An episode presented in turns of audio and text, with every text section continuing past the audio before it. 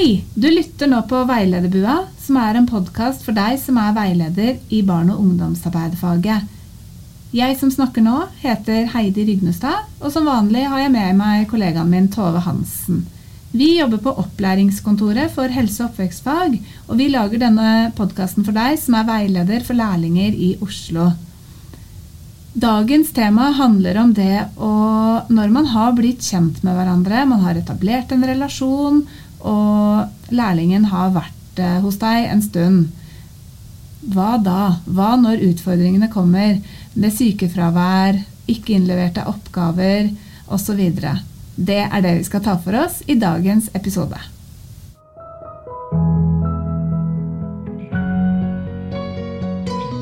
Denne episoden handler om å vedlikeholde en relasjon. Og det når etableringsfasen er over, som Heidi sa i eh, innledningen her. Og dere vet jo at når den første fasen i en relasjon er over og hverdagen kommer, da er det viktig å se hvor solid og ikke solid eh, relasjonen er. Og det er da man virkelig får se hvordan man fungerer sammen. Ja, for Man kan nesten sammenligne det litt med metaforen forelskelse. Det er akkurat som om nyforelskelsen går over, og hverdagen treffer en. Det er jo da man må forholde seg til hverandre og virkelig se hvordan dynamikken og relasjonen er. Mm. Fordi i hverdagen, eh, når man jobber med barn og ungdom, så er den er jo preget av eh, utfordringer. Altså Vi kommer eh, i tider av året hvor man har sykdom. Eh, til å begynne med så kan det være at lærlingen syns det er utrolig viktig å vise deg hva den kan, men etter hvert så blir man kommer man inn i en periode hvor man kanskje blir litt mer slapp. da, mm. Og ikke eh, er så opptatt av å vise at man kan prestere hele tiden. Hva da, liksom? Hvordan skal man kunne være sammen om det, både det å være kollegaer og det at lærlingen skal ha en utvikling når hverdagen kommer og, um, og det byr på noen utfordringer, det er jo Vi skal dele noen tanker med dere på hvordan man kan opprettholde en god relasjon til lærlingen eh, når eh, nyforelskelsen er over, og når nyhetens interesse har eh, lagt seg. Mm. Hva tenker du når, når en lærling f.eks. Du sa i stad dette med å bli litt slappere og ikke leverer i tide. Tove, hva, hva, tenker du er gode innspill til en instruktør som opplever det? Mm. Jeg tenker jo at det, det, viktigste er jo å ha en plan i bånn. Det å ha skrevet opplæringsplanen. Og man, gjør, hvis man gjør den så konkret som mulig, som vi har snakket om i en tidligere episode, så tenker jeg at mye er lagt allerede der. Og da kan man gå inn og si det at eh, nå er vi i uke 46, og da skulle du jobbe med dette. Gjør du det? Ikke sant? Bare mm. stille sånne oppfølgingsspørsmål. For hvis du på en måte kommer inn i en, en situasjon da hvor du, hvor du vet at det er ikke noen konsekvenser for at ikke du gjør som du skal, så, så presterer man kanskje heller ikke så lett. Mm. Ja, og det å ha en plan i bånn eh, gjør det jo også lettere for deg som instruktør å stille disse forventningene og, og be, om, eh, be, om, at lærlingen gjør sånn som dere har avtalt. Mm. Mm. Og så tenker jeg det handler om, om eh, eh det, det, tillitsforholdet som er eh, laget mellom dere to. Ja, for jeg tenker jo at Lærlingen og instruktøren må på et eller annet tidspunkt eh, gi hverandre også dårlige tilbakemeldinger. Når nyforelskelsen er over og hverdagen kommer og det er en eh, behov for å gi en tilbakemelding som kanskje ikke er så god, eh, så er det jo som du sier viktig med den trygge, gode relasjonen i bunn. Sånn at det er rom for sånn tilbakemelding. Mm. Og det å stille krav. Når du på en måte har laget en avtale om ting som skal gjøres, så, så tenker jeg at det er utrolig viktig at lærlingen eh, gjør det. Instruktøren kan jo på et tidspunkt eh, oppleve at lærlingen blir eh, demotivert. Hva tenker du at instruktøren kan gjøre da? Mm. Jeg tenker at det handler noe om eh, motivasjon. Eh, som veileder så, og instruktør så bør du også kunne være god på å motivere lærlingen til å jobbe. Men, men, så tenker jeg jo Jeg er litt sånn opptatt av at eh, man må ha en indre motivasjon. Så det må være en sånn indre drive. Og det å finne tilbake til den, det tenker jeg kanskje kan være en, en, veileders eh, rolle når man får en eh, lærling som er demotivert. da. Og så vil jo alltid opplæringskontoret være tilgjengelig dersom man opplever en lærling som er demotivert. eh, For å prøve å nøste litt i hva, hva er det som er årsaken til det, og hvordan kan vi komme videre ut av det. Hva kan, vi, hva kan vi gjøre for at lærlingen finner tilbake til den motivasjonen som han eller hun kjente på når man satt og sendte inn søknad om læreplass. Mm. Så tenker jeg jo det når man har et tilli- tillitsforhold, så handler det noe om å, å stille spørsmål. Så hva, hva er årsaken? Hva er det som gjør at eh, det er stoppet opp nå? Hva kan jeg bidra med? Mm. Og hva kan du bidra med? Så det handler om det som relasjoner handler om hele tiden. Det er å gi og ta. Mm. Men også det der med, med Som vi har nevnt eh, tidligere, er jo da eh, hvor du mot, altså jobber faglig.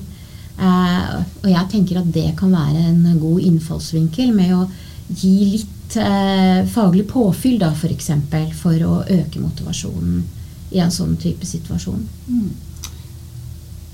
Når lærlingen stiller eh, kritiske spørsmål til deg som instruktør, hvis lærlingene setter spørsmålstegn ved det som instruktøren gjør, ehm, det kan jo også være noe som kan komme litt i veien for en god relasjon mellom instruktør og lærling. Eh, har du noen tanker om det, Tove? Jeg tenker jo at eh, det er jo noe av det som er gull med å ha lærlinger. er jo det at, man, at det blir stilt kritiske spørsmål, forhåpentligvis, til eh, organisasjonen og det arbeid som gjøres i hverdagen. Så du Eh, tenker at det, det bidrar til å utvikle eh, bedriften? Det gjør det jo. Så handler det noe om tilbakemeldingskulturen på arbeidsplassen. Hvis man på en måte eh, er vant til å få kritiske spørsmål om praksisen, så tenker jeg jo at eh, da ligger det der. Men så kan det jo også være Fordi det er jo noe med at når man jobber, så er man i eh, så jobber man jo med, med hele seg og den ryggsekken man har med seg i livet. Og det kan være utfordrende kanskje hvis, man blir, eh, hvis det blir stilt kritiske spørsmål til hvorfor du gjør ting, da. Mm. Som veileder og instruktør. Så, så, men jeg tenker at det, det jo Grunnlaget må jo være at det er basert på, på tillit, og at man jobber masse med tilbakemeldingskulturen på arbeidsplassen. Mm. Og nå tenker vi at vi skal avrunde denne episoden med å si noe om eh, hva vi har vært igjennom, og det som er viktig å tenke på når eh, nyforelskelsen er over, da, for å si det på den måten. Og det handler om å kunne gi hverandre eh, kritikk, stille krav, men tåle også som eh, veileder å få kritiske spørsmål. Eh, Og det å være interessert i årsaken kanskje til at lærlingen eventuelt skulle være litt demotivert. Da, Og jobbe med tilbakemeldingskulturen på arbeidsplassen. Og vite at dersom man står i noen utfordringer man ikke helt føler man kan løse selv, så er vi på opplæringskontoret til stede for å for å f.eks. hjelpe lærlingen med å finne tilbake til den motivasjonen som, som var der i utgangspunktet. Mm. Mm. Så etter hvert som man møter på utfordringer i læretida, så um, tenk at en god relasjon og en god kontakt, godt etablert kontakt i bånd, er gull verdt for å stå sammen og finne løsninger på slike utfordringer.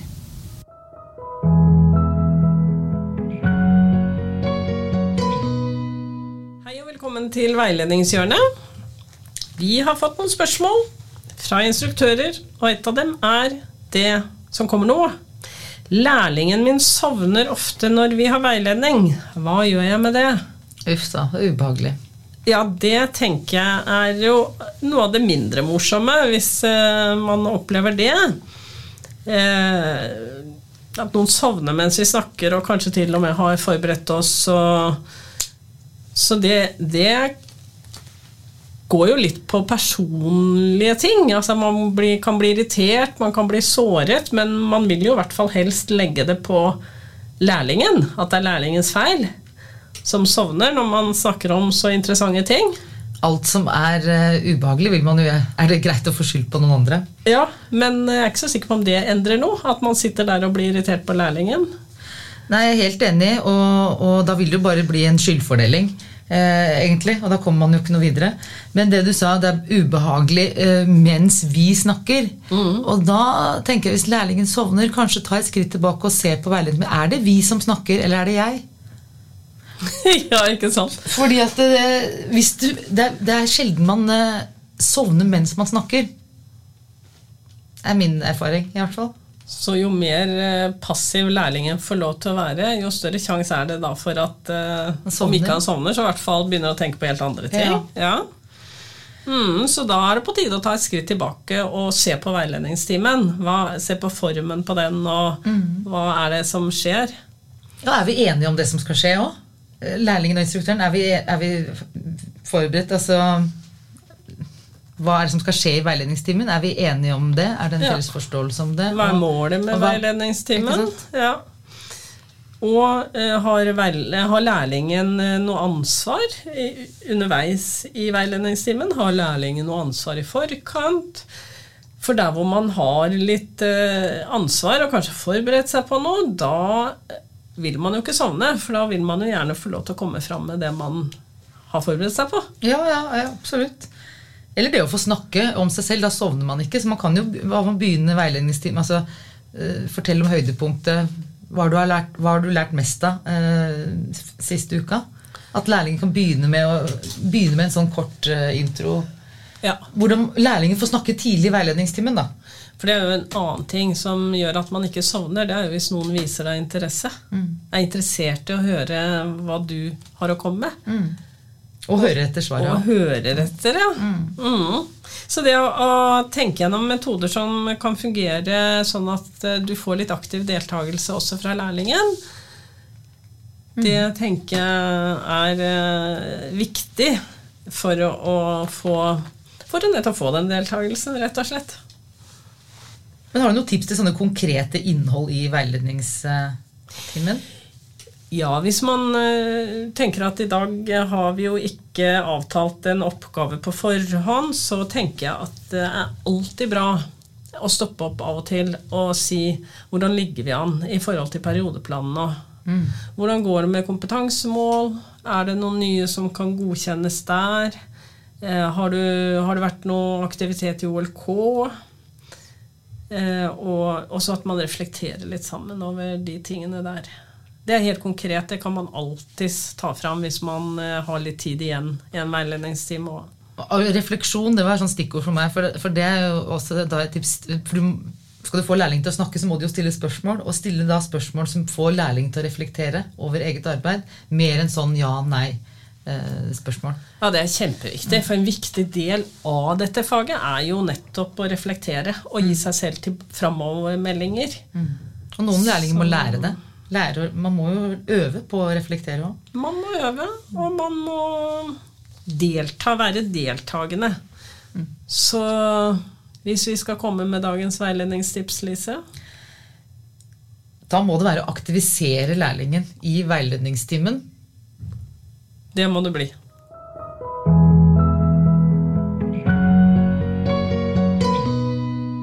Dagens episode så har vi snakket om eh, det når hverdagen treffer oss, og eh, nyforelskelsen er over, nyhetens interesse både hos lærlingen og kanskje deg som instruktør er over, og dere møter utfordringer i oppfølgingsarbeidet. Husk at du finner støttemateriell til denne podkastepisoden i OLK. Og vi tar gjerne imot innspill og spørsmål til podden. De kan du rette til oss enten på Facebook, Instagram eller til e-posten vår postmottak.oho alfakrøllsye.oslo.kommune.no. Og i sånne tilfeller som det vi har snakket om i dagens episode, så er det selvfølgelig alltid lav terskel for å kontakte konsulenten din her på opplæringskontoret.